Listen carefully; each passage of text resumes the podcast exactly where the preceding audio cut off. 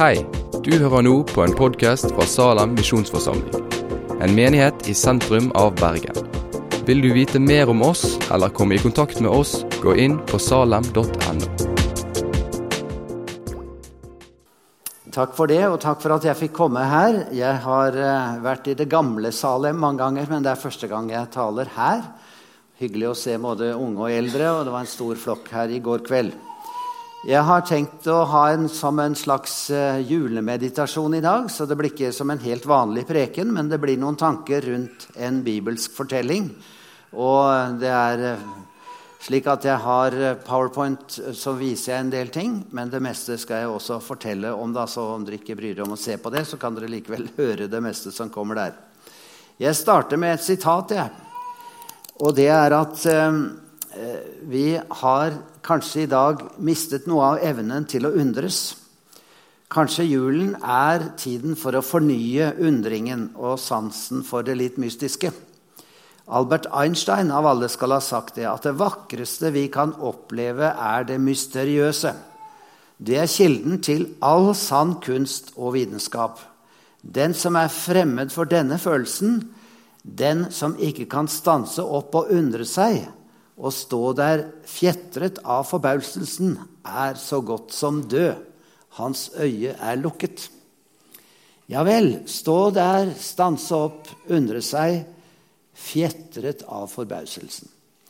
Og Det er det som er det spennende med å lese Bibelen, at der kan vi oppdage mye som vi ikke har tenkt på før, og det er mye som vi kan forbauses over. Og Jeg skal føre dere litt inn i en beretning nå, en scene om du vil, som er verdt å undres over. Bli med til tempelet i Jerusalem ved begynnelsen av vår tidsregning. Der får vi møte to gamle, to nydelige personligheter. Og kunstneren har fremstilt den gulltroende Simeon i gulldrakt fordi han er en, en flott person. Gyllen kappe og med barnet Jesus i armene. Og så har du Anna til høyre med sin ivrige vitnetrang. Og til venstre Maria. Hun har fått blå drakt som tegn på at man i katolsk sammenheng regner henne som himmeldronningen, og derfor i blått. Og så ser du Josef beskjedent til venstre. Og da skal jeg lese vers for vers fra, Johannes, fra juleevangeliet. Um, Lukas 2, fra vers 25, så tar vi litt om litt, og så kommenterer jeg litt innimellom. Og se, det var en mann i Jerusalem som het Simeon, en rettferdig og gudfryktig mann. Han ventet på Israels trøst, og Den hellige ånd var over ham. Det var åpenbart for ham av Den hellige ånd at han ikke skulle se døden før han hadde sett Herrens Messias. Ja, Her har vi altså Simeon, en vanlig mann i tempelet. En eller annen gang har Den hellige ånd fortalt ham at han ikke kom til å dø før han hadde fått se Messias, den som Gud hadde lovet som den store frelsermann for israelsfolket. Og Derfor ventet han i tempelet. Og han gikk stadig i tempelet og ventet, for en dag så ville det skje. Og slik var Simeon i bønn, i tilbedelse, i ydmyk og tålmodig forventning. Han ventet på Israels trøst, at Messias skulle komme. Mye av livet består i det å vente. Og mye hender ikke slik vi ønsker og venter på. Visse ting skjer ikke når vi håpet at det skulle skje. Mange har ventet så lenge at de har gitt opp å vente. Bibelen har mange eksempler på mennesker som ga opp Israelsfolket f.eks. vandret omkring i ørkenen og begynte å tro at det ikke fantes noe løftets land. Og profeten Elia han satt fortvilet under sitt lille tre, overbevist om at alt var tapt, og at Gud ikke brydde seg lenger. Disiplene gled inn i en nederlagsstemning etter at Jesus var død på korset. De dro tilbake til den gamle jobben som fiskere. Og de grublende ordene fra forkynneren beskriver denne holdningen. Jeg så alt det som ble gjort under solen, og se, alt sammen var tomhet og jag etter vind. Og så kommer det pessimistisk. Det som er kroket, kan ikke bli rett. Det som mangler, kan ingen regne med. Ja, det går an å se litt mørkt på livet, som han gjorde akkurat her. Men slik tenkte ikke Simeon. Han hadde kanskje vært hundrevis av ganger i tempelet og ventet. Jeg kan se for meg noen som kom til ham og sa, 'Bare gi opp, gamle mann. Du kommer aldri til å se en Messias i din levetid.' Du er håpløs, en enfoldig type. Glem drømmen. Men Simeon han holdt fast ved drømmen og viser dermed en viktig side ved troen. Når vi føler for å ville så å si kaste inn håndkleet, som det heter, så skal vi holde fast. Vise tillit, tro og tålmodighet. Holde fast på Guds løfter. Men et annet poeng er jo det at og som Simeon viste, det kan være stor forskjell mellom det vi ønsker å se, og det som vi virkelig trenger. Mange mennesker ventet på Israels trøst, men visjonen deres var helt forskjellig fra Guds tanker.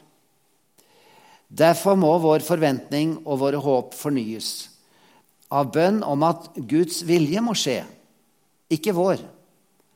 Simeon sa, 'Mine øyne har sett din frelse.' I din form, på din måte. Det er viktig at vi tenker akkurat slik. Vær frimodig. Et helliggjort håp og tilbedelse i lydighet vil belønnes av Gud. Svaret kan bli holdt tilbake for en tid, ja, av og til i en riktig lang tid, men i rette tid så kommer svaret. Det er like sikkert som at sola står opp om morgenen. De som ber, vil få. De som leter, vil finne. Og de som banker på døren, vil døren bli åpnet for. Og Da ser vi i vers 27 om Simeon. Han kom til tempelet, drevet av ånden. Og da foreldrene, altså Maria og Josef, kom inn med barnet Jesus for å gjøre med ham som skikken var etter loven, altså omskjærelse på den åttende dag, da tok Simeon ham i armene sine og lovet Gud. Da skjønte han med en gang her er bønnesvaret. Da den italienske maleren Giotto omtrent i året 1320 skulle male akkurat denne scenen, så viste han på en 40 cm bred treplate at han visste noe om Simon, og han visste noe om småbarn. Se på den lille babyen som strekker seg i retning sin mor. Det er ikke noe særlig spennende å være eh, i armene på en fremmed mann. ikke sant? Og Simeons eh, lepper de beveger seg i lovsang bak et mektig skjegg. Barnet hviler ikke trygt i de fremmede arvene, men strekker seg mot mor i frykt. Det er vel egentlig litt humor i dette her, dette bildet fra middelalderen.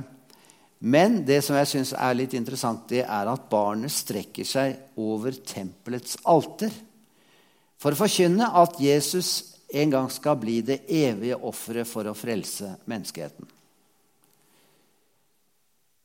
Når Gud kommer, så kommer han med frelse, offer, håp, krav.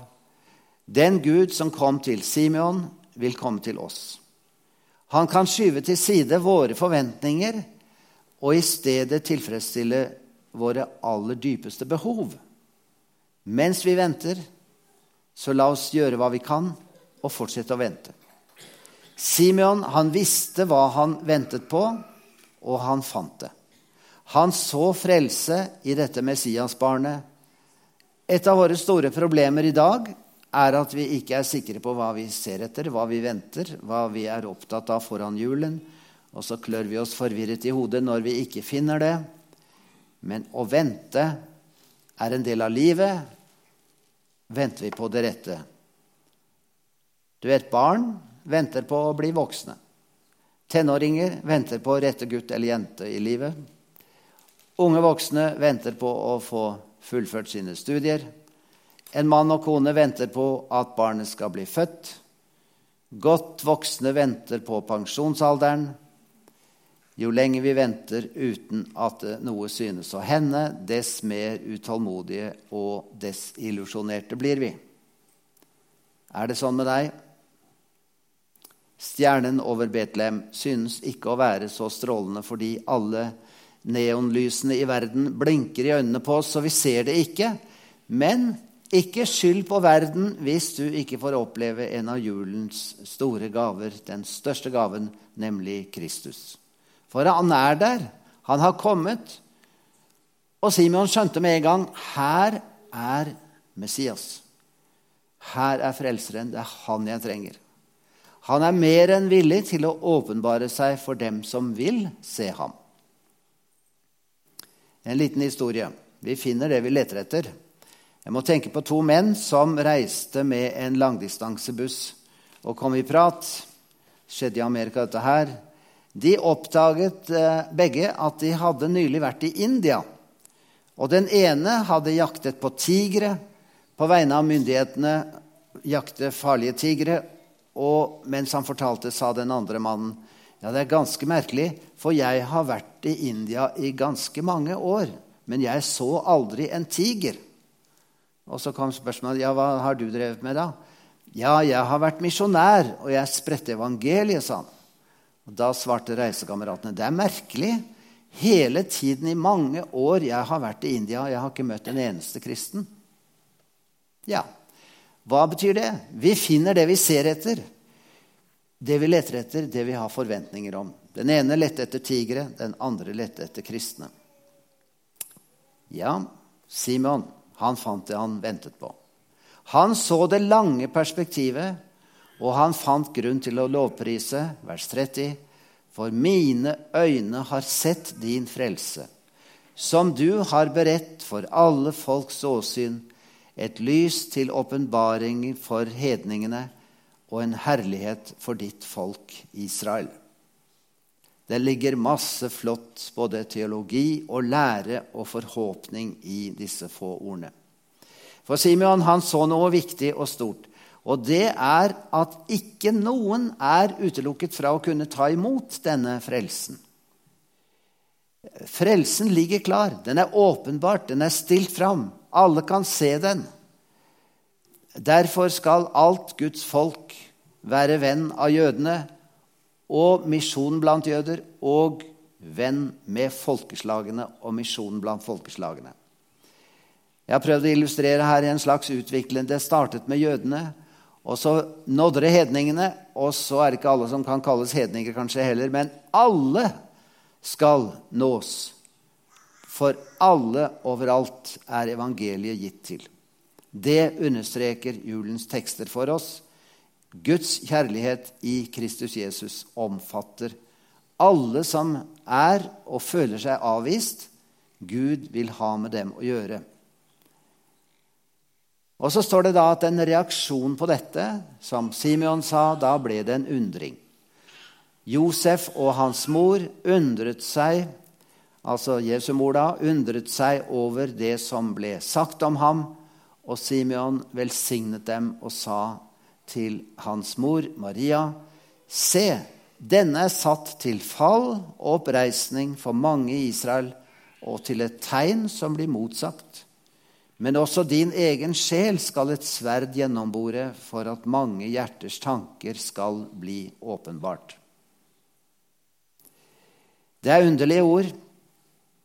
Simeon snakker mystisk om frelsen først, og så at det skal bli et fall og oppreisning. Med andre ord, noen vil i kollisjon med Jesus bare falle. De vil ikke ta imot ham. Og noen oppreises av ham. Det er vel sånn vi må forstå det. Og det er et tegn som blir motsagt. Ja, sånn er det også i dag. Jesus og kristendom blir motsagt. Det blir en konfrontasjon. Og hver gang Gud kommer, så hjelper han i vår nød. Men han korrigerer våre forventninger og utfordrer oss til å overlate vårt liv i hans hender. Og det kan bety både det ene og det andre av følger i våre liv. Det skal ikke bli lett. Det fikk Maria høre. Barnet skal bli til fall og oppreisning. Maria skal få oppleve smerten. Også din egen sjel skal et sverd gjennombore, for at mange hjerters tanke skal bli åpenbart, sier Simeon med mystiske ord. Det var jo ikke et bokstavelig sverd som gjennomboret Marias hjerte, men det var smerten over å måtte se sin egen sønn lide en forferdelig dødsstraff. Og hvorfor? Mange hjerters tanke skal bli åpenbart. Det er synden som skal vende fram, og så er det nåden som skal komme inn. Det skal komme til å koste. Ordet om korset skaper skiller. Mange mange av Jesu etterfølgere har vært korsbærere på ulike måter i tiden etter. En jødisk forfatter som heter David Meisel, har fortalt om en dag eh, at, en, eh, ble, at, det ble spurt rabbien, rabbineren eh, Han spurte hvordan går det Så svarte denne forfatteren det er ganske ålreit. Men det ville ikke gjøre vondt hvis det gikk litt bedre. Så tenkte rabbineren seg om og så sa han, hvordan vet du at det ikke vil gjøre vondt? Ja, med andre ord det kan gå bedre, men det kan gjøre vondt også. Det er som om Simeon også svarer der ved, i tempelet. Det skal gå bra, men det skal ikke bli lett. Det skal koste for noen, og det begynner med dette barnet. Det skal koste for barnet og for moren og for dem som følger ham. Men Guds rike skal komme. Og gamle Simeon, han så, og han visste hva det ville innebære når Gud kommer. At menneskelig nød blir tilfredsstilt på en helt annen måte enn folk hadde ventet. Og det ville bringe med seg både frelse og krav. Et stort håp, men det ville også koste. Og så er det en del to av denne beretningen, fra vers 36, og vi leser om Anna. Det var en profetinne der, Anna, Fanuels datter, av Asjers stamme. Hun var kommet høyt opp i årene. Etter sin jomfrutid hadde hun levd sju år med sin mann. Deretter hadde hun levd som enke til en alder av 84 år.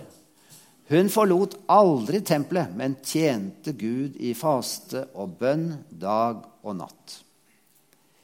Tre vers i Bibelen gir oss altså bildet av en vi kunne kalle det en bibelkvinne, kanskje.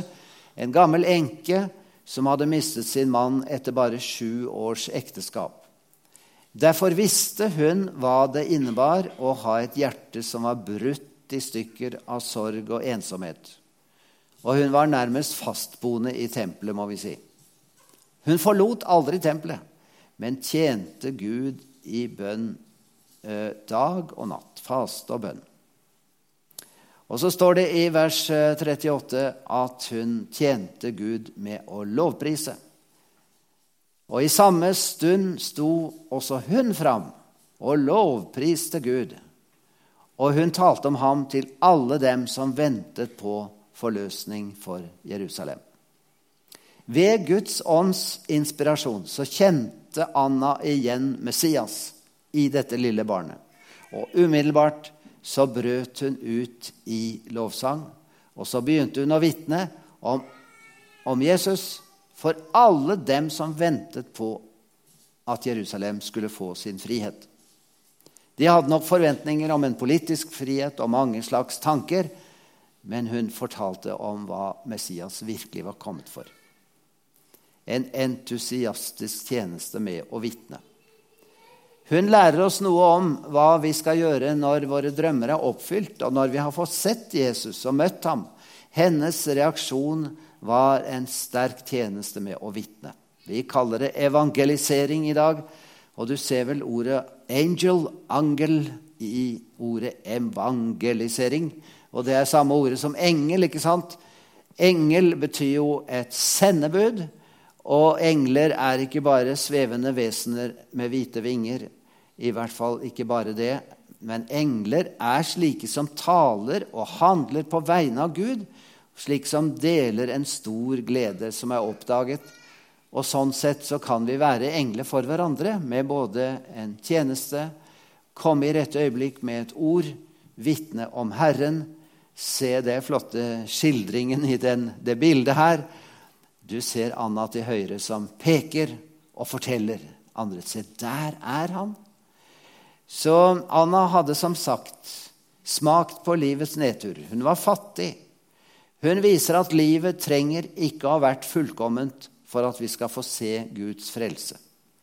Livet mitt kan bli helt igjen på grunn av Jesus, selv om det er mange bulker i det. Selvforskyldte bulker og bulker jeg ikke skjønner hvor kom, hvorfor skulle komme. Men Anna var den første som vitnet om Messias, om Jesus i Jerusalem. Byen for den store kongen. Tenk at en gammel kvinne, en enke, skulle bli den første Kristusforkynneren i hovedstaden. Og dermed er ingen utelukket fra muligheten til å lovprise og vitne. Her er en annen kunstners fremstilling av Simeon og Anna. De ventet ikke fordi det ikke var noe annet å finne på for dem. De ventet fordi de var fylt av forventning og håp. Og de lyttet ikke i et tomrom uten aktivitet. De ba og arbeidet. Og mens de ventet, takket de ved å tjene Gud. For det var lyset fra Gud de ventet på. De gjorde hva de kunne, og de ventet og de ventet. Og så kom svaret, og vi får et innblikk i hva som skjedde. Gud kom virkelig til dem. Hvem vet hva de ventet? De hadde nok litt uklare forestillinger. Det var kanskje ikke akkurat dette. Et skjørt spedbarn båret inn i tempelet av to unge foreldre som var så fattige at de ikke hadde råd til å gi det vanlige takkeofferet, eh, et offerlam. Det hadde de ikke råd til. De hadde lov å gi et par duer som offer når de var riktig fattige. Og her ser du Josef med de to duene som han holder. Og man kan spørre kunne oppfyllelsen av det store håpet om Messias få en så fattigslig form? Men sånn er Gud. Det er ikke lett å vente på Gud. Og noen klarer ikke se ham når han kommer. Noen er passive i sin venting, og noen er så utålmodige at de ikke vil vente. Men det vanskeligste med å vente er å kjenne igjen og godta Gud når han kommer, og hvordan han kommer, måten han kommer på. Simeon og Anna de ventet i tiår, og de ga ikke opp. Har vi noe å lære også i vårt liv? Vi ber om at Gud må komme og gi oss fred, og så kaster han oss inn i en ny kamp. Vi ber om at Gud vil komme og helbrede, og så kommer han til oss ved kanten av en grav og sier, 'Jeg er oppstandelsen og livet. Den som tror på meg, skal leve.' Det var ikke akkurat det vi håpet på. Men så er jo det så mye større. Det evige livet som Bibelen forkynner oss. Vi ber om at Gud skal komme og trøste sitt folk. Og så, inn hoveddøren til tempelet, kommer det to usikre foreldre som bærer et par fugler og et barn som en dag skal dø på et kors. Vi må ikke bli ferdig med å undres dere over Guds underlige måte å handle på. Og Så må vi runde av med å tenke på noen vers jeg hoppet over, vers 29 og 30, hvor vi hører Simeons svanesang, kan du si. Den gode, gamle mannen som hadde fullført et godt, modent liv. Han visste at frelsen ligger på trygg grunn. Han la seg til hvile i Guds hender i det han sa, Herre, nå kan du la din tjener fare herfra i fred. Etter ditt ord. For mine øyne har sett din frelse. Se på det salige blikket han har, med barnet i armene. Nå er jeg klar. Nå er jeg renseklar, for jeg har sett Jesus. Jeg ser ham i den formen. Du ser ham på din måte, i ordet og opplevelser av ordet. Men da kan vi trygt forlate dette liv. Hele livet hadde han vært preget av forventning og undring, og han visste hva han ventet på. Alt var knyttet til Gud og hans utsendte. Slik var hans liv. Han ville nok med glede ha stemt i sangen som har skrevet mye senere. O, bli hos meg, nå er det aftentid i mitt liv, altså.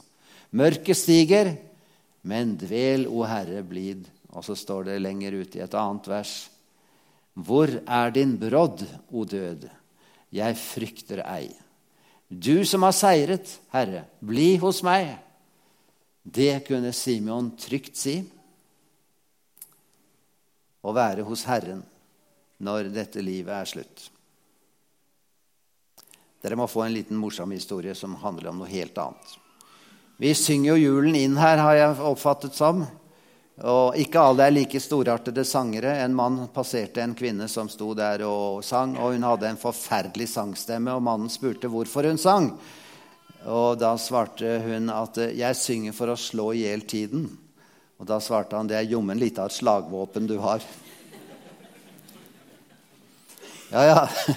Slå i hjel tiden med en forferdelig stemme. Men vi får lov å synge enten det er slik eller sånn. Den franske forfatteren Victor Hugo sa en gang at musikken forsøker å uttrykke det som ikke kan sies om det som det er umulig å tie stille om. Litt innviklet sagt, ikke sant? men det er et under, en undring. Vi prøver å synge om det. Det går inn langsomt. Vi forsøker å uttrykke det. Så la oss synge julens sanger, dere. Lovprise Jesus for at han kom. På den underlige måten han kom på og aldri bli ferdig med å undre oss over denne fantastiske Guds kjærlighet, som kom til oss som et barn, som vokste, ble og utfoldet seg som et menneske, og som viste seg som Gud, som frelser, som den lovede frelser av evighet. Kjære Jesus, vi takker deg for ditt ord. Takk for eksempelet fra Simeon og Anna Hjelp oss å vandre i deres spor med å være trofaste, vente, be, lovprise, vitne. Herre, du har gitt oss et kort eller langt liv, vi vet ikke, men la oss få tjene deg den tiden du er her, vi er her i verden. Gi alle en riktig god julehøytid, Herre, de som er samlet her, og familiene deres. La ditt ord gå videre ut i verden La det lykkes å nå nye folkeslag. Driv arbeidere ut, så din vilje skjer, ditt rike kommer, og ditt navn blir æret av alle. Amen.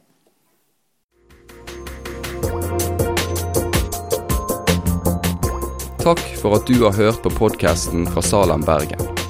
I Salem vil vi vokse i et stadig dypere fellesskap med Gud og med hverandre. Vi vil være Jesu hender og føtter, og vi vil være med og forkynne frelse for Bergen og resten av verden. Besøk oss gjerne på salem.no om du vil vite mer.